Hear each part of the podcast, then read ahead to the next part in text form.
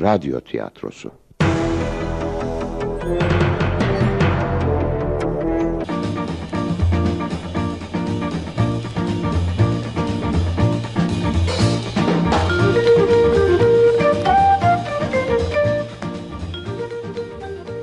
Köşktekiler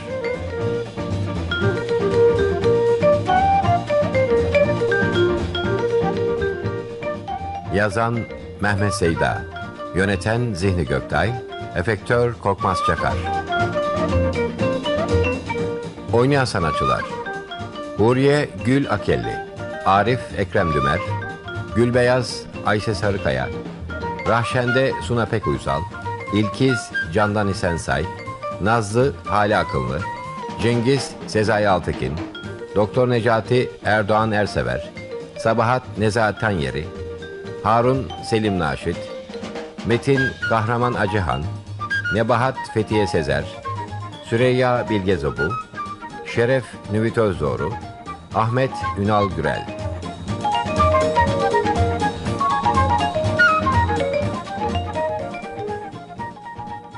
Beyefendinin kahvaltı tepsisini götürdün mü Arif? Ee, götürdüm, e, götürdüm ama... Aa, bir garipsin, rengin sapsarı. Hayrola bir şey mi var? Beyefendi, e, beyefendi ölmüş. Ne? Sahi mi? Koş oraya koş buraya. Kuzum Nazlı Hanım'ın ısıtılacak tuğlalarını gördünüz mü? Mutfakta mı yoksa? Ah ah gül beyaz bırak tuğlaları. Beyefendi ölmüş. Ah! Ah, herkese durumu haber vermek gerek. Ama bu işi üstüne kim alacak? Ah! Huriye, Gül Beyaz. Ne oluyor canım? Sabah sabah ne zırlıyorsunuz ikiniz de? Eğer tabak çanak bir şey kırdıysanız haberiniz olsun keserim aylıklarınızdan. Bu gürültü ne halacığım? Ya senin bu maskara kılığın nedir? Utanmıyorsun. Git sabahlığını giy. Ay sabahlık önemli değil. Ne oluyor çocuklar? Beyefendi ölmüş. Hadi canım o kolay kolay ölmez. İnanın ölmüş küçük hanım. Vücudu buz gibi soğumuş. Aa, aa, nasıl olur da gülersin? Ulu tanrım bu zamane kızlarını hiçbir vakit anlayamayacağım. Ve anlamaya da hiç niyetim yok. Zaten bunlar hep saçma. Kendim görmeliyim. Gözlüklerim nerede? Ben bakmaya gidiyorum. İlkiz pijamayla olmaz. Ay giyinmenin sırası mı şimdi? Ah, İçeri girme Rahşende hala.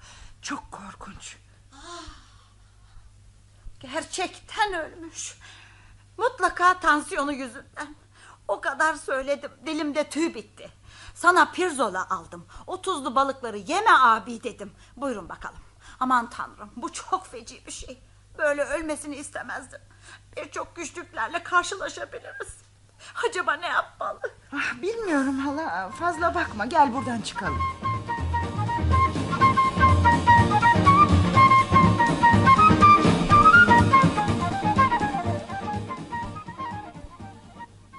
Anne gene hasta mısın? Gene deme kızım.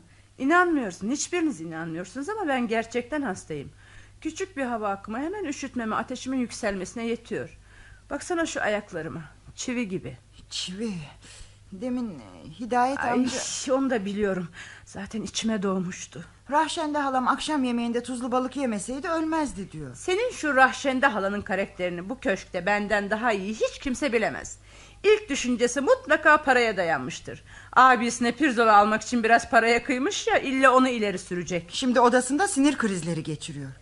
Acaba Cengiz'i çağırsam mı? Abini mi? Çağır belki yararı dokunur. Ya da ortalığı büsbütün velveleye verir. Sen ondan daha soğukkanlısındır kızım. Ya anne sahibi e, neler söylüyor bu hizmetçiler amcam ölmüş mü? Arif onun odasının kapısını kilitleyerek doktor Necati'ye telefon etmeye gitmiş. Doğru mu? Sakin ol oğlum. Elbette bir doktor çağırmak gerekir.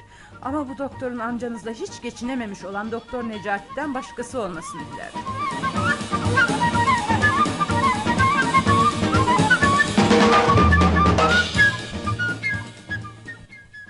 Ah doktorcum sana ablam Sabahat'le eniştem Harun Bey'i tanıtayım. Sevindim. Nasılsınız efendim? Eh şöyle böyle. Siz bize asıl ölüsünü incelediğiniz abimin neden öldüğünü söyleyin. Bir kalp krizi. Emin misiniz? Kesin mi bu? Hemen hemen. Çünkü ona uzun süredir ben bakıyordum. Abinizin kapakçık bozukluğundan ileri gelen yüksek bir tansiyonu olduğunu biliyorsunuzdur sanırım. Abimi kalbi zayıf olduğu için tedavi ettiğinizi biliyorum.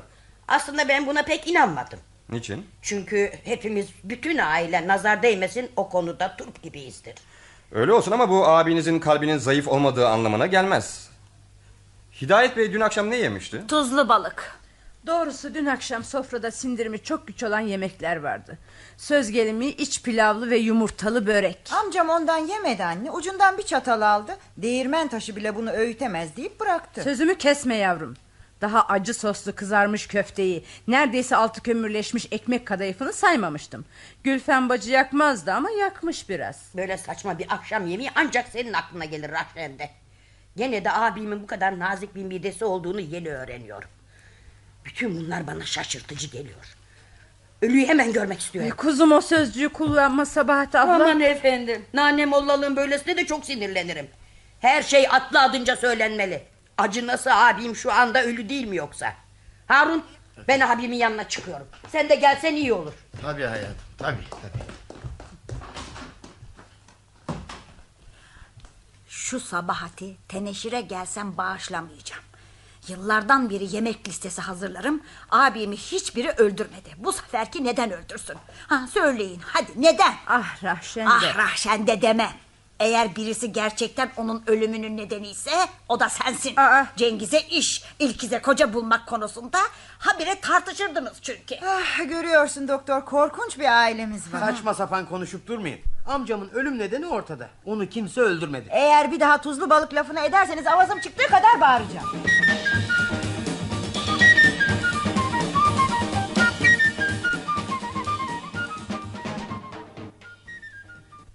Çok üzgünüm. Zavallı abiciğim. Tüyler ürpertici bir şey bu. Tüyler ürpertici. Tüyler ürpertici bir şey bu. Sus tüyler Harun. ürpertici. Sus. Sözcükler hiçbir şey değiştirmez. Gömülme iznini imzalamaya hazır mısınız? Doktorluk yetkim bana bu konuda... yeter, e, yeter. Boş söz. Hemen bir başka doktor çağırır mısın? Üzgünsün sinirlisin ama kimseyi incitmeye hakkımız yok Sabahat abla. Tez gelir. Abimin başka bir doktor tarafından muayenesini istiyorum. Hükümet doktorunu çağırmamı ister misiniz? Evet doktor bey. Benim de istediğim budur. Beni abimi öldürmekle suçladığını açıkça söylesene. Bir aile toplantısında kendini benden yükseklerde görüyorsun. Ama senin evindeki har vurup harman savurmalardan nefret ederim. Yani açık konuş. Hidayet abimi öldürmek için ona tuzlu balık yedirdiğimi sanıyorsan... ...dün aldığım dana pirzolaları bunun tersini ispatlayacaktır. Yazık şimdi kim bilir kimin midesinde. Lütfen sen karışma kızım. Hala otopsi mi yaptırmak istiyorsun? Bu çok gülünç bir şey olur. Yani ayrıca dağdan gelip bağdakilerin işlerine karışmaya hakkı yok. O senin abinse benim de amcamdı. Öldüğüne göre şimdi ailenin reisi benim ve karar hakkı da bana düşer. Hayır Cengizciğim. Amca mirasına konmak için annenle ne fırıldaklar çevirdiğinizi bilirim. Aile reisliğine gelince... ...sanırım bu hak ve yetki senden çok yeğenin Metin'e düşer. Aile reisliği onun hakkıdır. Eğer Metin bu işe burnunu sokacak olursa çeker giderim bu köşkten. Hiç ötesi yok. Çok şeylere dayanır göğüs gererim ama Metin'e asla. Zaten eğer birisi amcamı zehirlemişse bu işi yüzde yüz Metin yapmıştır. Hoppala! Metin'den ben de hoşlanmam. Ama ondan kuşkulanmak saçma olur. Çünkü size de bana da seyrek gelir. Hem duyduğuma göre geçen pazardan beri modada oturmuyormuş. Uzaktakileri karıştırmayalım. Ben bu köşkte abimin ölümünden çıkarları olan kimseleri tanıyor ve biliyorum. Gelsin başka bir doktor gelsin. Ama bu duyulur dedikodusu yayılırsa... İzin ver izin ver de kendime ait bir düşüncem olsun Harun. Doktor Ha. onun zehirlendiğine inanmıyorsun değil mi? Ee, hayır ama Sabahat Hanım'ın içinde bir kuşku varsa otopsi yapılmasını ben de isterim. Hükümet doktorunun çağrılmasına da karşı değilim. Çağıralım gelsin. Ama ben karşıyım. Sadece sabahat alan bir yana senin teşhisine katılıyoruz. Amcamı otopside parçalatmakla ne geçer elimize? Yaşantımız cehenneme dönecek. Ne gereği var? Haklısın oğlum. Buna sevinir miydi zavallı Hidayet Bey? Elbette hayır. Ölmeden önce artık hiçbir doktorun yüzünü görmek istemediğini söyler dururdu. Ah ne olur bana yardım edecek bir erkeğim olsaydı. Kardeşlerim öldü. Süreyya Bey deseniz karısıyla birlikte sayfiyede. Bari yanımda o olsaydı. Yardım ederdi. Abime tuzlu balık yedirmekle kimse beni suçlayamazdı. Hadi diyelim. Sorguya gelenler beni suçlamadılar. Cengizcime yüklenmeyecekler mi? Çocukcağızı iş uğruna uzaklara atmak istiyordu abim. Eğer amcasını o öldürdüyse kendisine hak bile veririm. Ve bunu söylemekten hiçbir zaman çekinmem. Halacığım sen beni savunmuyorsun. Kendini bir kıyıya çekip paçanı kurtarmaya çalışırken bayağı batırıyorsun. İşte böyle bu kadar. Görüyorum şu veya bu nedenle otopsiden hepinizin ödü kopuyor. Bir şey sorayım. Amcamızın bütün mirası Metin'e mi kalacak? Hem de kuruşu kuruşuna. Oo, öyleyse yandık. Hayır aslında o yandı. Amcamızın ölümünden sadece o yararlanacaksa sadece o yandı. Yakında damlar buraya ve hepimizin başına bela olur. Yürü biz gidelim Harun. Varsın birbirlerinin başlarını yesinler. Peki gidelim karıcığım gidelim. Yalnız doktor gitmeden önce... Tamam tamam efendim merak etmeyin otopsi yapılacak.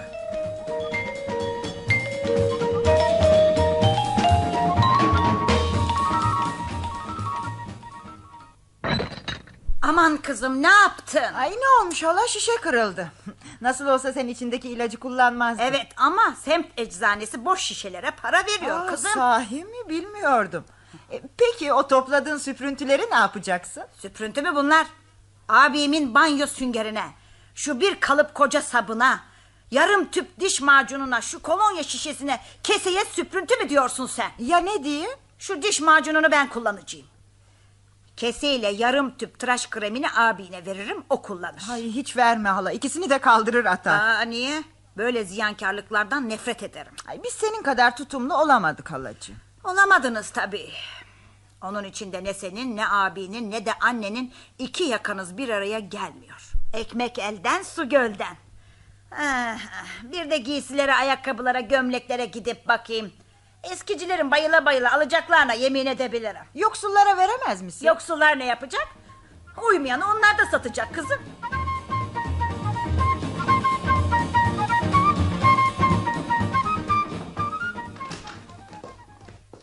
Metin Bey geldi efendim. Allah kahretsin. Vay vay vay vay kimleri görüyorum. Oo yalnız sevgili Sabahat Alam değil sevgili yeğenim Sevtap da buradaymış. Ve öbür sevgili yeğenlerim Cengiz de İlkiz. Nazlı yengem, Rahşen de Alam. Kısacası yani tam kadro. Amcanın öldüğünü duymadın mı yoksa? Aa, duydum duydum halacığım duymaz olur muyum?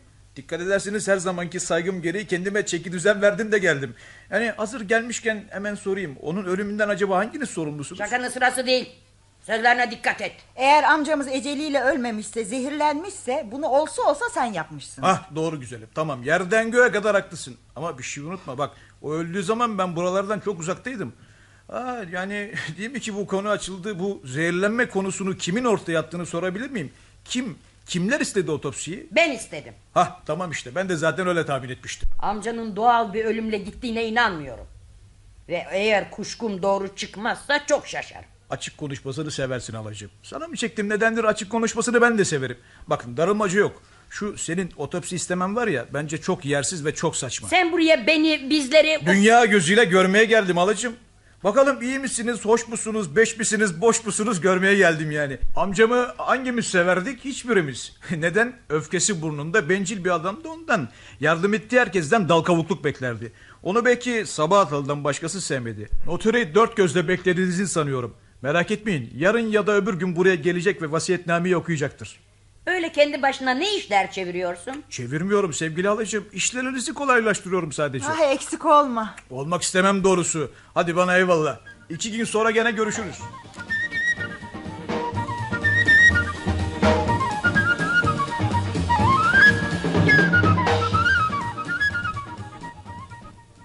Vasiyetname nasıl? Hepinizi tatmin etti mi bari? Şekerim hiç sorma tam bir haksızlık anıtı.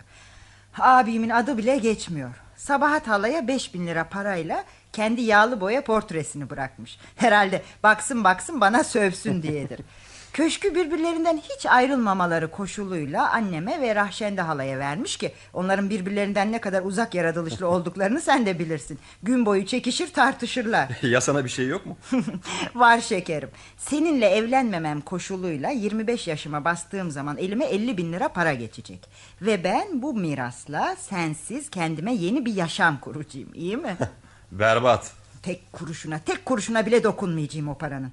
Öbürleri gibi o da Metin Bey'e kalsın. Onun olsun iyi günlerde harcasın. Beni bu kadar seviyor musun? Doktor genç kızlık gözümü sende açtım. Sevmesine seviyorum ama Ama ne? kulağıma çalınan bazı dedikodular Hadi canım dedikodulara boş ver. uçan dişi sineği kaçırmazmışsın. Yalan. Uyduranları bir elime geçirsem hani yok mu? yani sen bütün bunlara inanıyor musun? İnanma İlkiz dedikodudur diyorum. Diyorsam da içim bir tuhaf oluyor.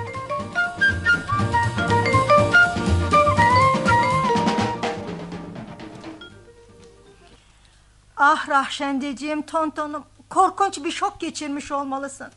Gazeteyi okuyunca donup kaldık. Bir türlü inanamadık değil mi Süreyya? Elbette hiç beklenilmedik bir haberdi. Çok üzüldüm.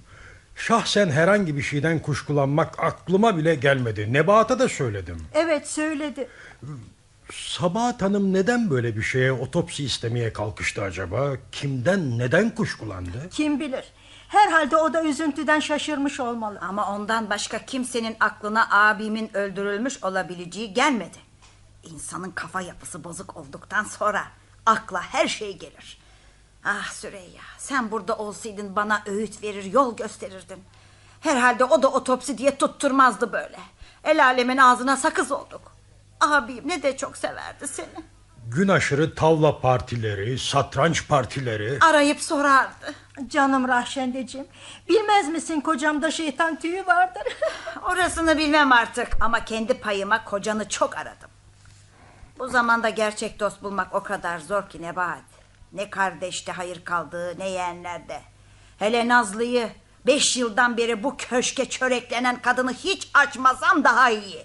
Eline üç beş kuruş geçti kim bilir gene neler almaya gitti. Kaldıramıyorum bunu. Gelemiyorum bunlara. Bunu doğal karşılamak gerek. Gelin görünce geçimsizliği. Hiçbir şeyi gözünde büyütme. Şu zehir işi üzerinde de çok durmayın. Nasıl olsa Doktor Necati'nin görüşü Sabahat Hanım'ınkinden daha ağır basacak. Ben de aynı düşüncedeyim. Ama eğer sabahat kuşkusunda haklı çıkar da polis buraya gelirse hepimiz mahvolduk. Niçin?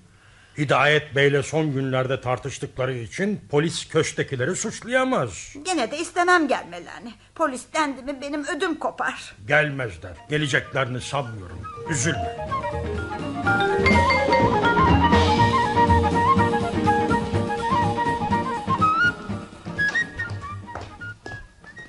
Doktor Necati Bey ile birlikte bir bey geldi hanımefendi. Kitaplığı aldım. Peki Arif. Cengiz gir koluma oğlum. Hala sıkı duralım. Heh. Çok üzgünüm Rahşende Hanım. Ama bu durum benim sandığımdan da ciddiymiş. Size cinayet masası şefi başkomiser Şeref Bey'i tanıştırayım. Hoş geldiniz efendim. Hoş bulduk hanımefendi. Size abinizin ölümüyle ilgili birkaç soru soracağım. Ne sorusu? Onun zehirlendiğini mi söylemek istiyorsunuz? İşte ben bunu öğrenmeye çalışacağım. Ee, bu işi tek başıma üzerime aldım ki aile fazla üzülmesin. Artık hiçbir kuşkuya yer yok Cengiz. Analiz sonunda ciğerlerde nikotin bulunmuş. Nikotin mi? Ama amcam sigara içmezdi ki. Demek tuzlu balıktan değilmiş. ne tuzlu balığı? Ee, Başkomiserim, Rahşende Hanım o akşam abisinin tuzlu balık yediği için hastalanıp öldüğünü sanıyor da Ha, ondan. Anlıyorum. Ee, hayır, tuzlu balığın bu işte bir ilgisi olamaz. Ee, yatmadan önce bir şey içmez miydi acaba? Söz gelimi kahve ya da çay falan? Ne onu içerdi ne öbürünü. Uykusuzluktan şikayetçiydi. E peki herhangi bir uyku ilacı kullanıyor muydu? Kullanmazdı. İlaçtan nefret ederdi. Hmm, peki, peki.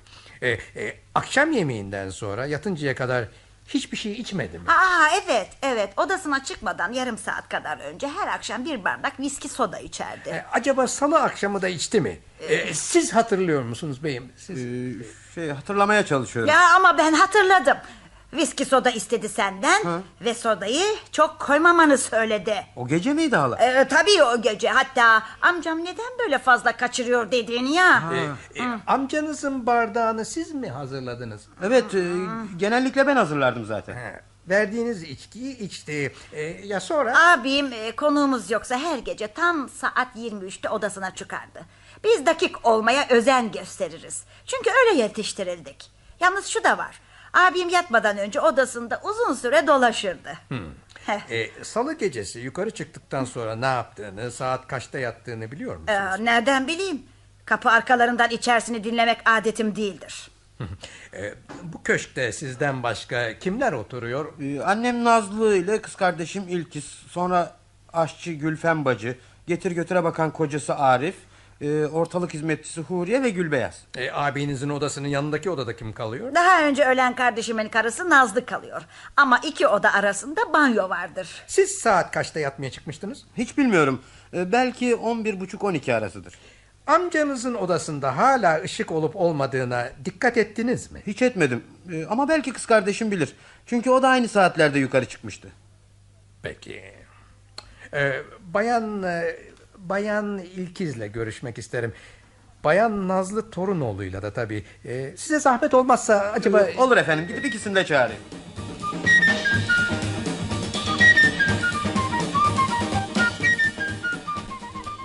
Annemi çağırdım geliyor. Siz böyle koridorda fıs fıs neler konuşuyorsunuz? Doktor Necati amcamın nikotinden zehirlendiğini, polisin geldiğini söylüyor. Halamla seni sorguya çekmiş, sıra annemle bendeymiş. Öyle. Bu çeşit zehirlenme olaylarına sık sık rastlanılır mı? Hayır sanmıyorum. E, amcam nikotini kazara almış olabilir mi? Pek de akla yakın değil. E, canım akşam yemeğinde zehirlenmediyse bu adam ne zaman nasıl zehirlendi? Canım niye beni sorguya çekiyorsun şekerim? Ağzından söz dirhem dirhem çıkıyor. Aslında bu konuda bilgimin pek fazla olmadığını itiraf etmeliyim. Çünkü nikotin konusu sık rastlanan bir olay değildir. Senin için bir avantaj. Neden dersen amcam eğer her zaman rastlanılan bir zehirle öldürülmüş olsaydı senden de kuşkulanabilirlerdi. Doğru doğru çok haklısın. Çünkü amcamla tartıştığımızı herkes biliyor. Adamcağız beni skandal yaratmakla tehdit etmiş. Öte yandan İlkiz'le ilişkini kesmezsen karışmam diye gözdağı vermişti. Kısacası seni köşkten uzaklaştırmasına içerleyip onu sen öldürmüş olabileceğin gibi tersliklerine gözdağlarına kızarak bunu ben de yapmış olabilirim. Yani olaya polis gözüyle baksak aklımıza bunların gelmesi olağandır. Neyse içeride bunların sözünü etmeyelim. Kuşkular listesine annem de mi giriyor? Birçok bakımdan. Necati senin için çıfıt çarşısı. Kuşkuluların polis açısından değerlendirmesini yapıyorum şekerim. Bereket versin polis değil. Yoksa hepimiz hapı yutmuştuk sen bile.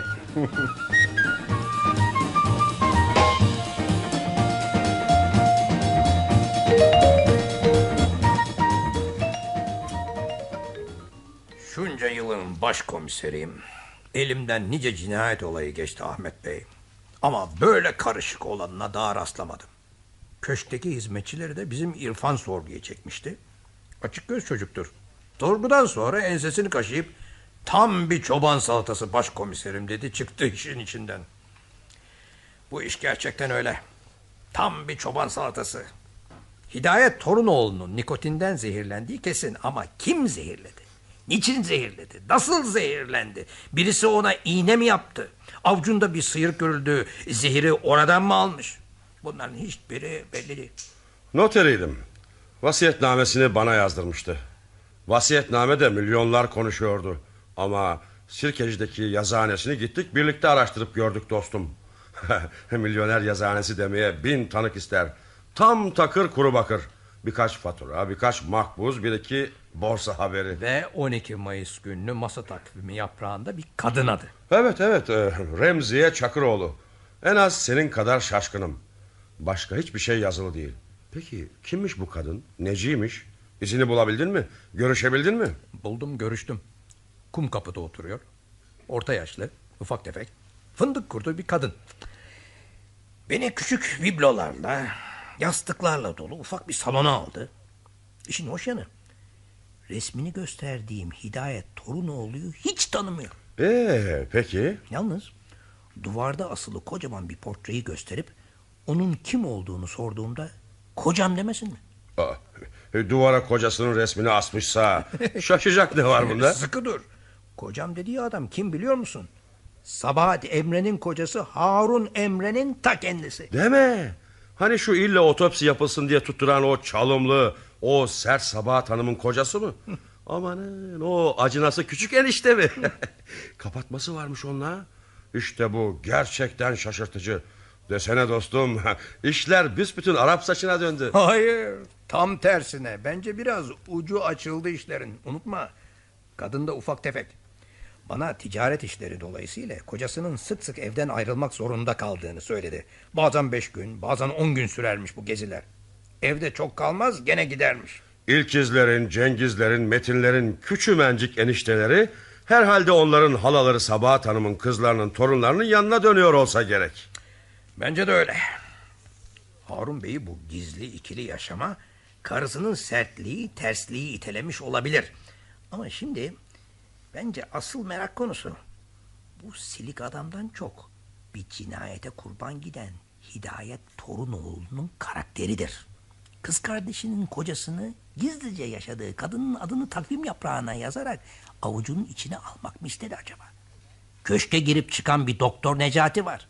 O da Hidayet Torunoğlu'yla ölümünden önce tartıştıklarını anlattı. Hidayet Torunoğlu yeğeni İlkiz'le doktorun evlenmelerine karşı çıkmış. Doktoru eğer bu işte direnirsen karışmam alkolik babanın Bakırköy'de yattığını herkese yayarım diye tehdit etmiş. Otelliğini yaptın tanırsın bilirsin. Sence gerçekten nasıl bir insandı bu Hidayet Torunoğlu? Heh?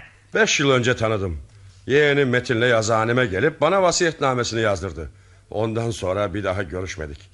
Bence herkese karşı tam kapalı bir kutuydu. Peki şu mirasın tamamına e, konan e, e, sevgili yeğen Metin Torunoğlu hakkında düşüncen nedir? Hı? Kendini beğenmişliğinden ötürü sevimsiz ama çok zeki bir genç.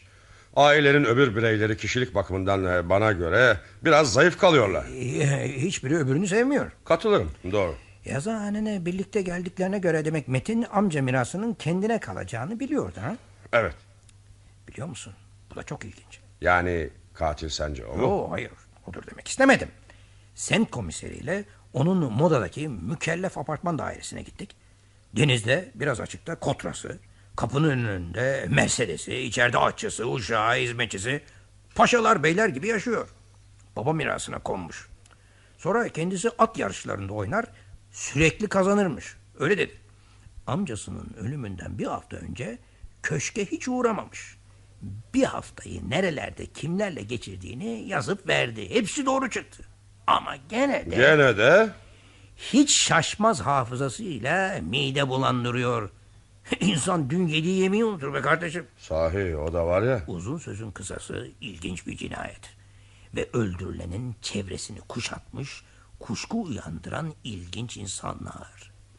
Birinden biri kapana kısılacak elbet ortaya çıkacak. Ama şimdilik ya şundadır ya bunda helvacının kızında demekten başka çare yok. Ömürsün dostum.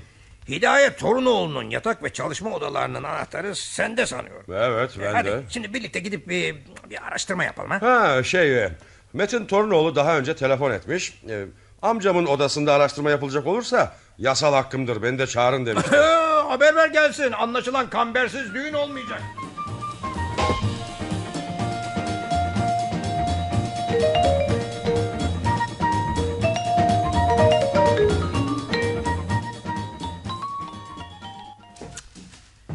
Hiçbir şey yok. Hiçbir şey. Kurutma kağıtları, mürekkep şişeleri, kıvır zıvır. Yalnız şu... Bu başkomiserim izninizle okuyabilir miyim? Evet. Bugünkü konuşmamızdan sonra bir karara varmadan önce sizi yeniden görmem gerektiğini düşünüyorum. Umarım durumu bir daha gözden geçirmişsinizdir. Ve beni tehlikeli işler yapmaya zorladığınız için de çok pişman olacağınızı hatırlatırım. Vay dehşet. Verin bana e, bu, bu kimin yazısı? Tanıdım tanıdım bizim Harun eniştenin. Vallahi dehşet ha. E, e, rahatsız etmezsem girebilir miyim? Vay efendim aman aslan yürekli Rişar enişteciğim geliyor benim. Ne o içine mi oldu ha? Tam zamanında geldin. Biz de şu senin giderek amcama yazdığın tehdit mektubunu okuyorduk. Me- mektubu mu? Ş- Şey, e, onu ben şey için yazmıştım. Hadi canım sıkılma bir şey yok ki bunda. Bayan Remziye Çakıroğlu yüzünden yazmıştım. Bir olsun bitsin. Nasıl olsa alan burada yok. Şey, e, sen de biliyor muydun? Yani rahmetli amcam biraz çıtlatmıştı. Ama bayağı düş kırıklığına uğradım ha. Amcam kendisine yazılan böyle özel mektupları yok etseydi iyi olurdu. Bak bak ben seni kınamadım enişteciğim. Çünkü karın gibi yani Sabahat Alam gibi bir karım olsaydı yalnız Remziye Çakıroğlu'yla değil daha niceleriyle ilişki kurardım. Yukarıda Tanrı var. Doğru doğru dost doğru. E, Eğer hidayeti benim zehirlediğimi sanıyorsanız fena halde yanılıyorsunuz başkomiser bey. Öldürmeyi tasarlasaydım polisin eline böyle bir koz vermezdim. Onu bilemem ancak bu mektup Hidayet Torunoğlu ile aranızın bozuk olduğunu apaçık ortaya koyan bir belge niteliğinde. Ama o, onu be- ben zehirlemedim. E, İnanın en kutsal şeyler üstüne yemin edebilirim.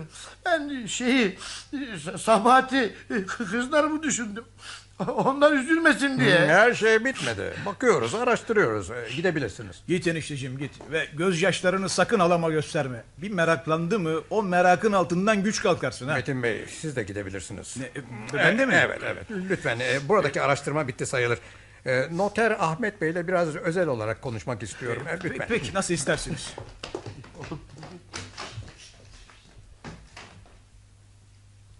Bir şey dikkatini çekti mi Ahmet Bey? Delikanlı ilgisiz, aldırısız görünüyordu ama ben çekmecelere bakarken bir yay gibi gergindi. Eniştesinin mektubunu da gördün, adeta elimden kaparak okudu. Belki de sırf bu mektubu görmek için peşimize takıldı. Bu da olabilir ama bence aldırışsızlık numarasının altındaki gerginliği başka bir nedene de dayanabilir.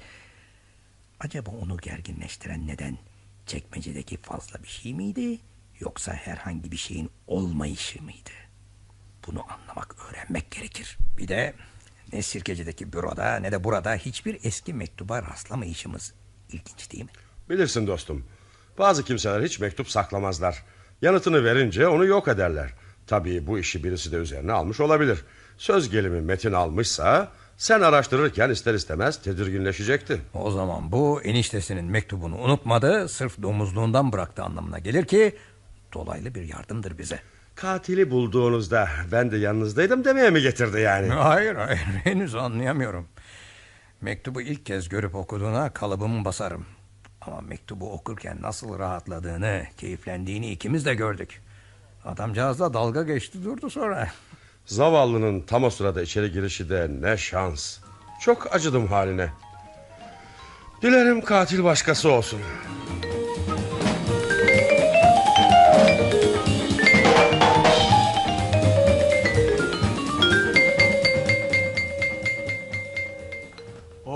merhaba güzelim. Aa, senin ne işin var amcamın odasında? Hiç polisten sonra bir de ben gözden geçireyim dedim. Ne arıyordu? Kanımca aradığım şey ortadan yok olmuş. Senin anlayacağın yani birisi benden önce davranmış. E, Rahşende halam amcamın öldüğü gün bütün odayı baştan aşağı temizletmişti. Şu kadın acaba göründüğü gibi aptal mı diye kendi kendime hep sorarım. Hay Allah. Yani sence ipuçlarını ortadan mı kaldırdı? Allah daha bir karara varamadım. Tatlım acaba senin bana bir yardımın dokunabilir mi ha? Yani söz gelimi o gün iyi yürekli halamızın ilaç dolabından neler çıkardığını hatırlayabilir misin? E, her çeşit ilaç. Sinir ilaçları, kalp ilaçları, tentürdiyot, ihtiyollü pomat, bağırsakları temizlemeye yarayan birkaç tablet. Ya ventonik? E, onun şişesini elimden düştü kazara ben kırdım. Kazara aferin aferin sana ha. Yani başkomiser Baş Şeref Buday'ın kulağına giderse hiç merak etme ondan da bir aferin alırsın. Oysa Oysa yani kadınlarımız, kızlarımız, sevgili yavrularımız kafasızlıklarını giderebildikleri oranda mutlu ve özgür olacaklardır. İyi yeter bu alaycılığı bırak artık. Ben aşağı iniyorum. Ama sana şimdiden söyleyeyim. Eğer beni polis şişeyi kırdım diye yeniden sorguya çekerse... ...ben de seni amcamın odasından çıkarken gördüğümü söylerim. Bak buna adlı adınca gammazlık, boşboğazlık denir. Ne denirse densin aldırmıyorum. Kendimi, annemi ve Cengiz'i sonuna kadar savunacağım. Ah be yiğit kız ha. Kahve falına baksam yeğeni Metin'den tiksiniyordu. Ailesini başa baş, dişe diş sonuna kadar savundu. Sonra gitti doktor Necati ile evlendi. Onlar herhalde muradına biz çıkalım kerevetine derim. Evet onunla evleneceğim ama bir yıldan önce değil. ne o yoksa aranızda bir şey mi geçti? İyi pis geveze bir şey geçmedi. Bunu ben kendim istedim. Eğer içimizden bir katil çıkarsa hastaları azalabilir. Bak ben doktorun yanında olsaydım böylesine insancıl düşüncelere sahip nişanlımı bir yıl bekletmez... ...ister gönüllü ister gönülsüz kolundan tuttuğum gibi kaçırırdım. Bir orman kibarı Metin Torunoğlu ancak bunları düşünür. Güzelim bir Metin Torunoğlu sırasında sevdiği kızın bütün sorunlarını üstlenmeyi de düşünür. Hadi eyvallah.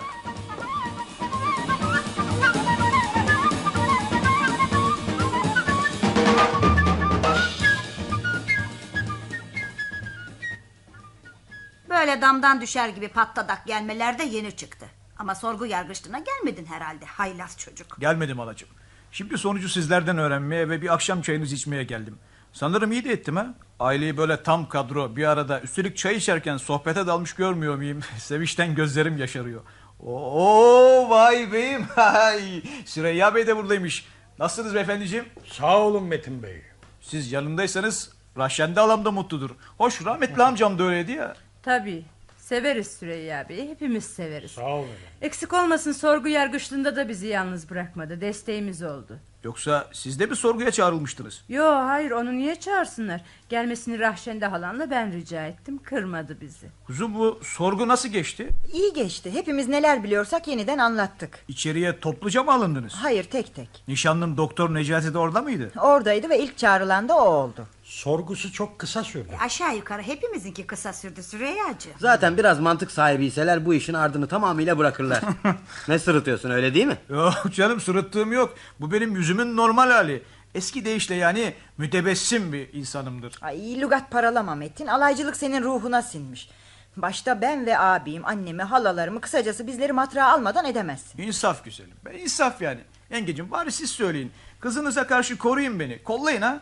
Şuraya geldim geleli kimin tavuğuna kış dedim. Özellikle size karşı her zaman biraz tutkun ve çok saygılı davranmaz mıyım? Hatır sormaya Süreyya Bey'den başladım. Hepinizin hatırını ayrı ayrı soracakken araya başka sözler karıştı. Ay pis geveze pis geveze. Ee, Rahşen de acaba ben izin istesem? Erken değil mi Süreyya'cığım? Otur bir çay daha iç. Yoksa kekimi beğenmedin mi? Tam üç tane yedim. O nefis nefis. Ee, Fatma ile birlikte karşıya İstanbul'a geçmek zorundayız. Bir tanışımıza akşam yemeği için söz vermiştik. Öyleyse sizi kapıya kadar ben geçireyim. Ee, zahmet olmasın Metin Bey. Yok beyim ne münasebet. Sizin gibi gerçek aile dostlarının başımızın üstünde yeri vardır. Süreyya en kısa zamanda gene beklerim. Bekleriz Süreyya Bey. Hepiniz sağ olun efendim. Geleceğim. İlk fırsatta geleceğim hemen.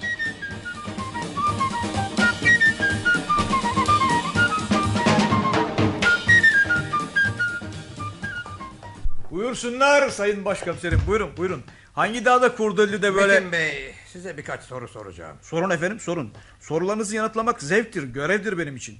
Gürbüz Tamer adında birini tanır mısınız? Yok hayır. Amcanızın banka hesabını inceledim. Bu Gürbüz Tamer amcanız adına her ay değişik miktarlarda çek veriyor. En son verdiği çekin miktarı 550 bin lira. Hiç haberim yok. Üstelik son çeki amcanızın ölümünden iki gün önce yazmış. Amcanız öldükten sonra da Sirkeci'deki bürosuna uğramaz olmuş. Hanın kahvecisi öyle söyledi. Hiç, bunlardan hiç haberim yok. Bize yardım etmiyorsunuz. Siz benden hoşlanmadınız ama ben sizi sevdim sayın başkomiserim. Ee, yani babacan insanları severim ben. Sorduğunuz kimseyi gerçekten tanımıyorum. Tanısam söylerim. Bazı şeyleri bizden gizlediniz. Ne gibi yani? Söz gelimi amcanızın sırdaşı durumundayken... Harun Bey Remziye Hanım ilişkisinden haberiniz varken... Bize bunu açıklamadınız. İlahi efendim. Ee, amcamın sırdaşı durumuna yükseltilişim herhalde onunla kavga etmemiş tek insan oluşuma dayandırılıyor. Bence yanlış. Harun eniştenin kaçak yaşamına gelince bence bu bir sır açıklaması değil. Açık saçık ve gülünç bir fıkranın anlatılması gibi bir şey olurdu. Çok yamansınız Metin Bey. Her taşın altından kolayca kalkıyorsunuz. Ha, gitmeden bir şey daha söyleyeyim. Amcanızın ölümünden beri ortalıkta görünmeyen, çek defterini de banka kasasında bırakan bu Gürbüz Tamer ya katildir ya da katilin öldürdüğü amcanız Hidayet Torunoğlu'dur. İki rahmetten biri. Sizinle yakında gene görüşeceğiz. Güle güle efendim güle güle. Ben de öyle tahmin ediyorum efendim güle güle.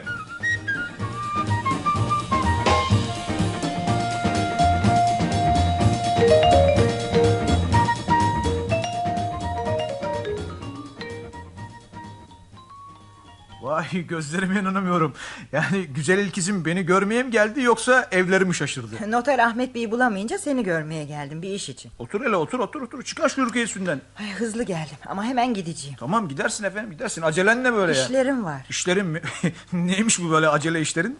Amcamdan bana miras kalan parayı hemen almam gerekiyor. E, bu paraya ömrüm boyunca el sürmeyeceğini söylememiş miydin? Evet ama şimdi o kararımdan caydım. Selim bak 25 yaşına gelinceye kadar daha çok karar değiştirirsin sen. Hayır bu seferki kesin karar. Eğer doktor Necati ile hiçbir zaman evlenmeyeceğime ilişkin bir kağıt imzalarsam parayı hemen alıp alamayacağımı öğrenmek istiyorum. O hayrola kavga mı ettiniz? E, hayır ama öncelikle onu gerçek anlamda sevmediğimi anladım. Aa, ve onun da seni sevmediğini fark ettin değil mi? ne yalan söyleyeyim. Bazen kafanın çalıştığını görünce buna gerçekten seviniyorum minik kuşum. Her ne halse. Şimdi çalışmam, çalışmak, iş bulmak için de steno kurslarına gitmem gerekiyor. E, mirası alma konusunda bir değişiklik yapılamaz mı? Yok buna razı olamam. Öyle mi? Sağ ol seni görmeye gelmekle aptallık etmişim. Hemen, hemen, hemen öfkelenme tatlım. Yani ne ben ne de sen daha mirasa konmadık ki. Çünkü vasiyetname daha resmen onaylanmadı. Ayrıca ben bana kalan bütün parayı hayır kurumlarına bağışlamayı düşünüyorum. Hadi oradan sana inanamıyorum. İnanıp inanmamakta serbestsin tabii. Peki ama niçin? Belki garibine gidecek ama ne yapayım yani. Sevmedim amcamın parasını. Her nedense bana biraz kirli paraymış gibi geliyor. Hadi hadi insanı yokuşa sürüp durma. Çıkar ağzından baklayı. Köşkte arayıcı fişeği gibi dolaşıp duruyordun. Ne buldun ne gördün de caydın mirasta? Bir takım haklı kuşkularım varsa da kesinlik kazanamadı. Bizim amca bey bir takım karanlık işler çevirmiş. Sen de bu yüzden onun mirasına konmaktan cayıyorsun ha? Metin inanamıyorum. Gerçekten bu kadar dürüst müsün? İster inan ister inanma. Yani, hem şimdi artık plağı değiştirelim biraz ha. Bütün bunlar artık kabak tadı verdi. E, Süreyya Bey öldürenin kanıt yetersizliğinden dolayı bulunamayacağını söylüyor. Hakkı da var. Nasıl sevgili halamla yengeme moral eğitimin pompalamasını sürdürüyor mu? İkisine de büyük destek oluyor doğrusu. Hem o adamla alay etme bize karşı her zaman anlayışlı ve çok nazik. Kendisine sonsuz saygı duymaktayım. Yani tersini demek istiyorsun öyle mi? Yani neden benim bazı duygulardan yoksun olduğumu sanıyorsun? Çünkü herhangi bir kimseye iltifatta bulundun mu mutlaka tersini düşünüyorsundur da ondan. Ne yani? E, Şimdi sana kalkıp İlkiz çok güzel bir kızsın ve seni yıllardan beri seviyorum desem inanmayacak mısın? Hoppala ağzından çıkanı kulağın duyuyor mu? Yani duyuyor duymuyor onu da bilemiyorum. Şu an bildiğim bir şey var. Ee, bak iki şey var aslında. Ee, birincisi amca mirasını ikimiz de kabul etmeyeceğiz. İkincisi hırkanı çıkarıp elini yüzünü yıkayarak benimle sofraya oturacaksın. Üf, Amma da otoritersin. Tüylerim ürperdi. Bak tatlım yani kendimi övmek gibi olmasın ama eh, sorumluluk yüklenmesini bilen kaytarmayan dokusu sağlam bir koca olabilirim. E, tabii eğer istersen. Ay, sus Allah sen beni şaşırtıyorsun. Böyle bir şeyi aklımın ucundan bile geçirmedim. Geçirmeye başlama güzelim be hemen başla ne zararı var ki?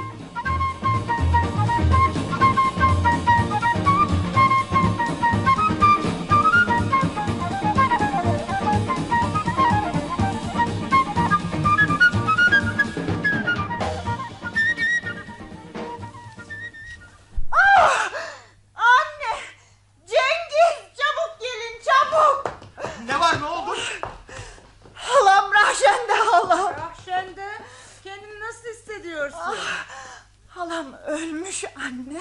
Ölmüş mü? Sen aklını kaçırdın galiba. Ha? Ne? Yoksa gerçek mi? Ay, tanrım. Halanız e, e, bir kalp krizi geçirmiş olmalı.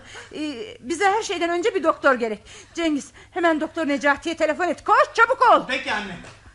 Kızım, kızım sen de öyle put gibi durma ne olur. E, bu kalp krizinden başka bir şey olamaz. Anne anlamıyorsun ölmüş. Tıpkı amcam gibi. Hastayım dediği zaman neden Necati'yi çağırmayı akıl edemedim sanki. Kızım yavrum böyle şeyleri hiç kimse önceden kestiremez ki. Üstelik kendisi bana sadece biraz uzanmak istediğini söylemişti. Gel benimle sana sinir yatıştırıcı bir ilaç vereyim.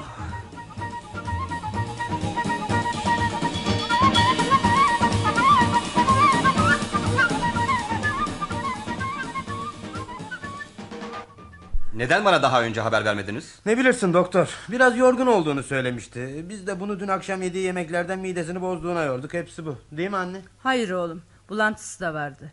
Ona kendi kullandığım harika ilacımdan verdim ve hemen yatağa yatırdım. Çünkü dinlenmek istiyordu. Ee, vücuduna kramp giriyor muydu? Titreme var mıydı? Soluk almakta güçlük çekiyor muydu? Yok hayır öyle olsaydı size hemen haber gönderirdim. Peki ölümünün nedeni doktor? Valla otopsi yapılmadan önce bir şey söyleyemem. Yok canım buna gerek olduğunu hiç sanmıyorum. Ee, kalp krizinden öldüğü apaçık ortada. Abisinin ölümü onu öylesine etkilemişti ki. Bana kalırsa apaçık ortada olan bir durum yok hanımefendi. Ve üzülerek söyleyeyim bu koşullar altında gömülme izni falan imzalayamam. Bana da kalırsa siz hala öbür olayın etkisindesiniz doktor. Hayır. Bu ölüm doğrudan doğruya savcılığı ilgilendirir. Açıkçası Raşende Hanım'ın zehirlendiğini sanıyorum. Hay Allah amma da saçma. Kendi halinde bir kadıncağızdı. Onu kim zehirler? Biraz konuşkandı. Dikkat edin çenesi düşüktü demiyorum. E, Epeyce de eli sıkıydı. Yani tutumluydu. Başkaca kusuru yoktu. Yani köşkün tamamı bana kalsın diye onu ben mi öldürdüm? Bilemeyeceğim. Al sana bir rezalet daha. Üzgünüm ama benim şimdi hemen savcılığa telefon etmem gerekiyor.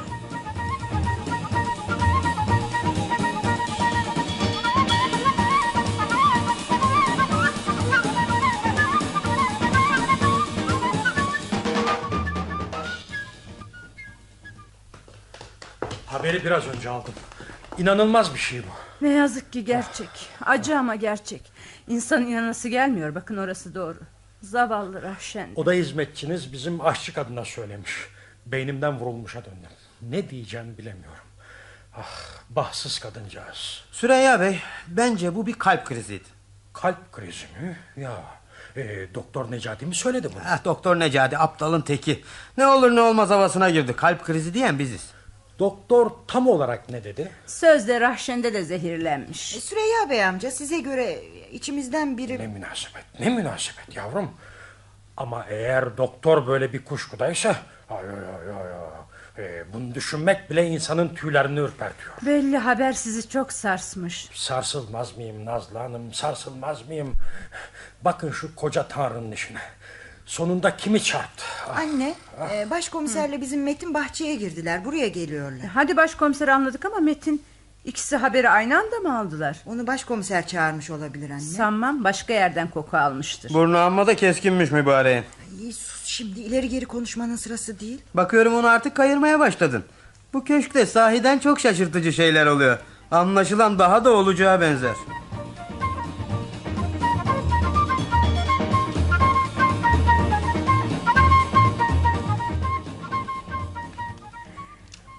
Hoş geldiniz komiser bey. Sen de Metin hoş geldin. Hoş bulduk. Ama bu olayın polisi ilgilendirdiğini düşünmek için biraz erken değil mi?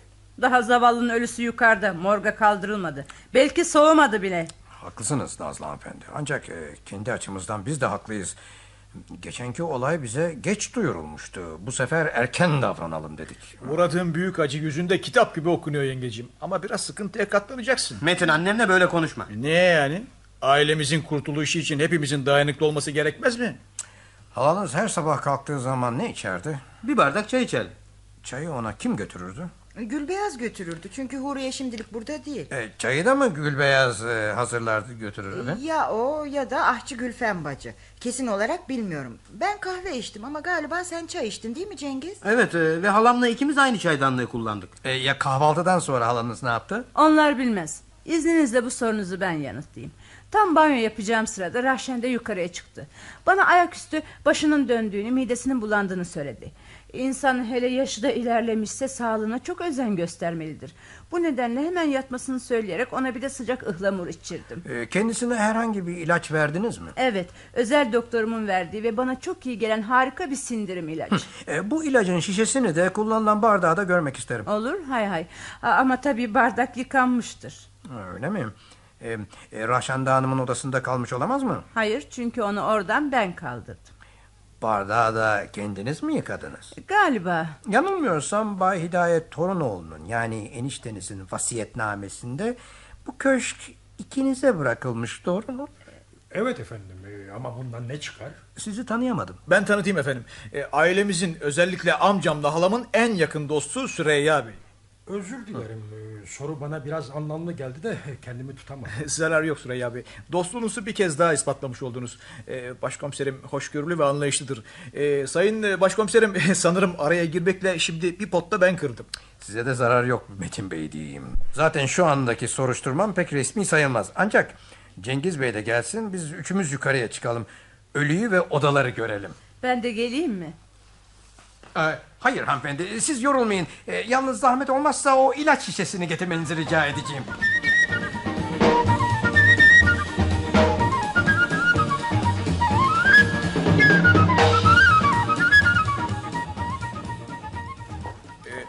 E, Ş- Süreyya Bey gitmiş mi? Çok üzgündü, perişandı. E, ben onu daha meraklı sanırdım. Durmadan ah rahşendecik diyordu. Dayanamayacağını anlayıp isterseniz gidebilirsiniz Süreyya Bey dedim. Hata mı ettim? Katiyen hanımefendi katiyen.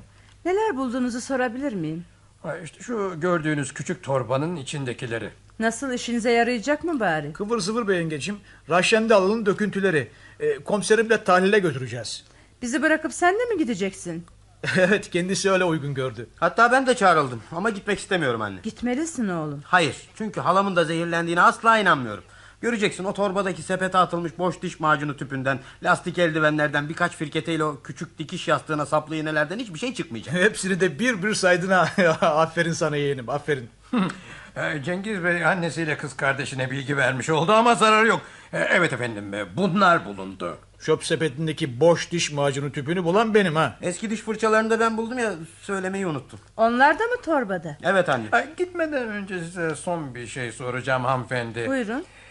Acaba biliyor musunuz Hidayet Bey ile Rahşanda Hanım dişlerinden şikayetçi miydiler? Ha, Rahşen de diş ağrıları çeker ama dişçiye gitmezdi parası gidecek diye.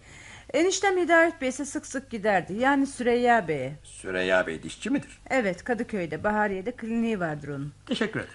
Ayrıca yanılmıyorsam amcamla halamın diş etleri sık sık kanardı. Değil mi yengeciğim? Evet birkaç kere bundan yakındıklarını duymuştum. Süreyya Bey enişteme sert fırça kullanmasını ve diş etlerini çok olmasını öğütlemişti. Rahşende ise çok tutumlu olduğu için buna yanaşmadı. Diyeceğim yeni bir fırça almadı. Anladığım kadarıyla amcam ölünce onun fırçalarını kullanmış. Sanırım öyle. E, çünkü fırçalar bir hayli eski. Artık gidelim mi? Çocuklar bizi geçirmeyecek misiniz ha? Ben geliyorum Metin. Sağ ol tatlım.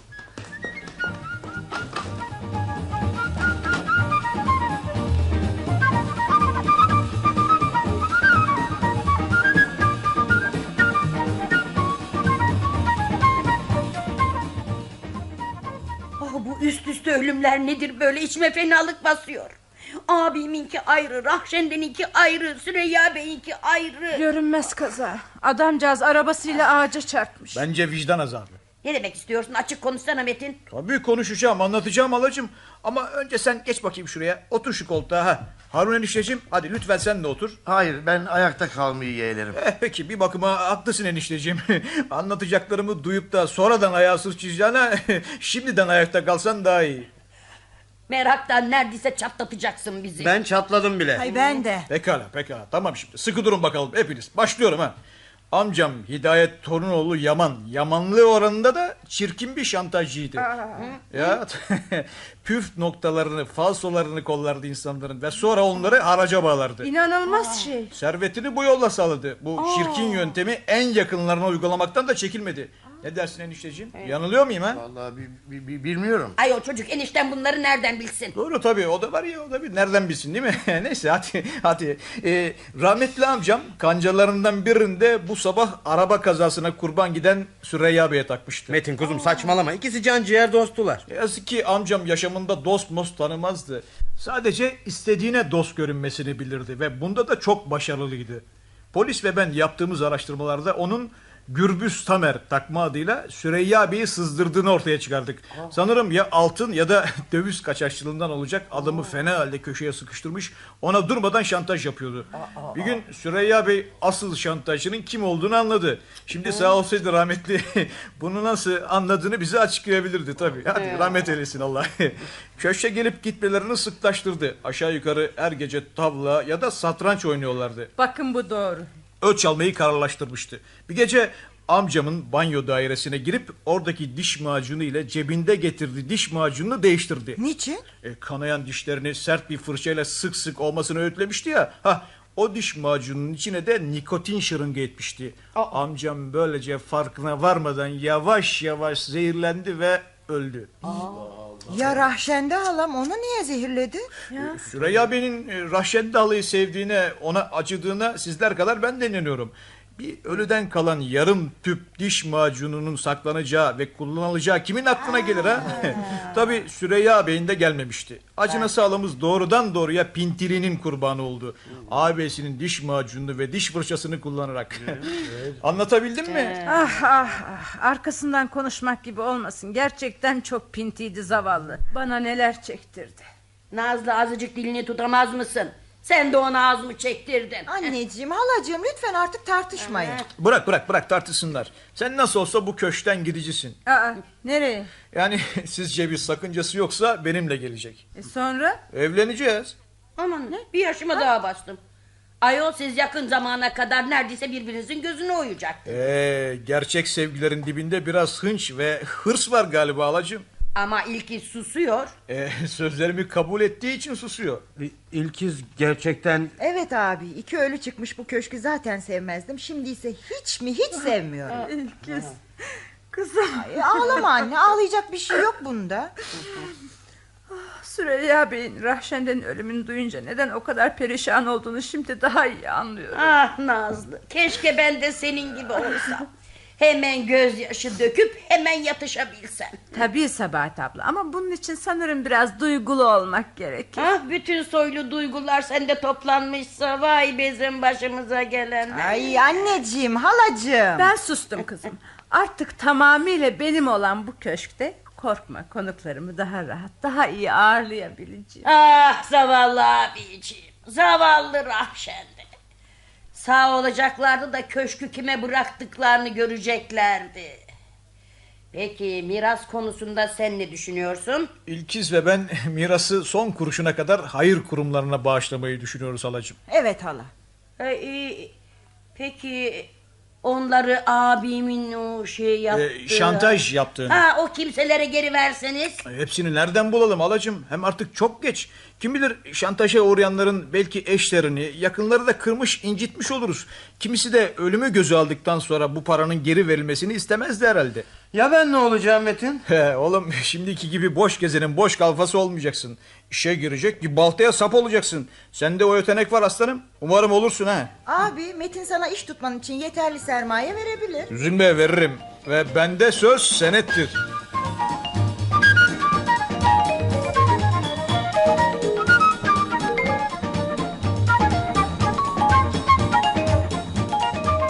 Köştekiler adlı oyunumuzu dinlediniz. Yazan Mehmet Seyda. Yöneten Zihni Göktay. Efektör Korkmaz Çakar. Oynayan sanatçılar. Huriye Gül Akelli Arif Ekrem Dümer. Gülbeyaz Ayşe Sarıkaya. Rahşende Suna Pek İlkiz Candan İsensay Nazlı Hale Akınlı. Cengiz Sezai Altekin. Doktor Necati Erdoğan Ersever.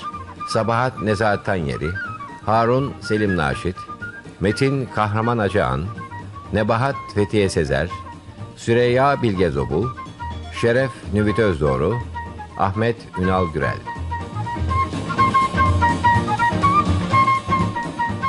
Radyo tiyatrosu sona erdi. Hoşçakalın sayın dinleyiciler.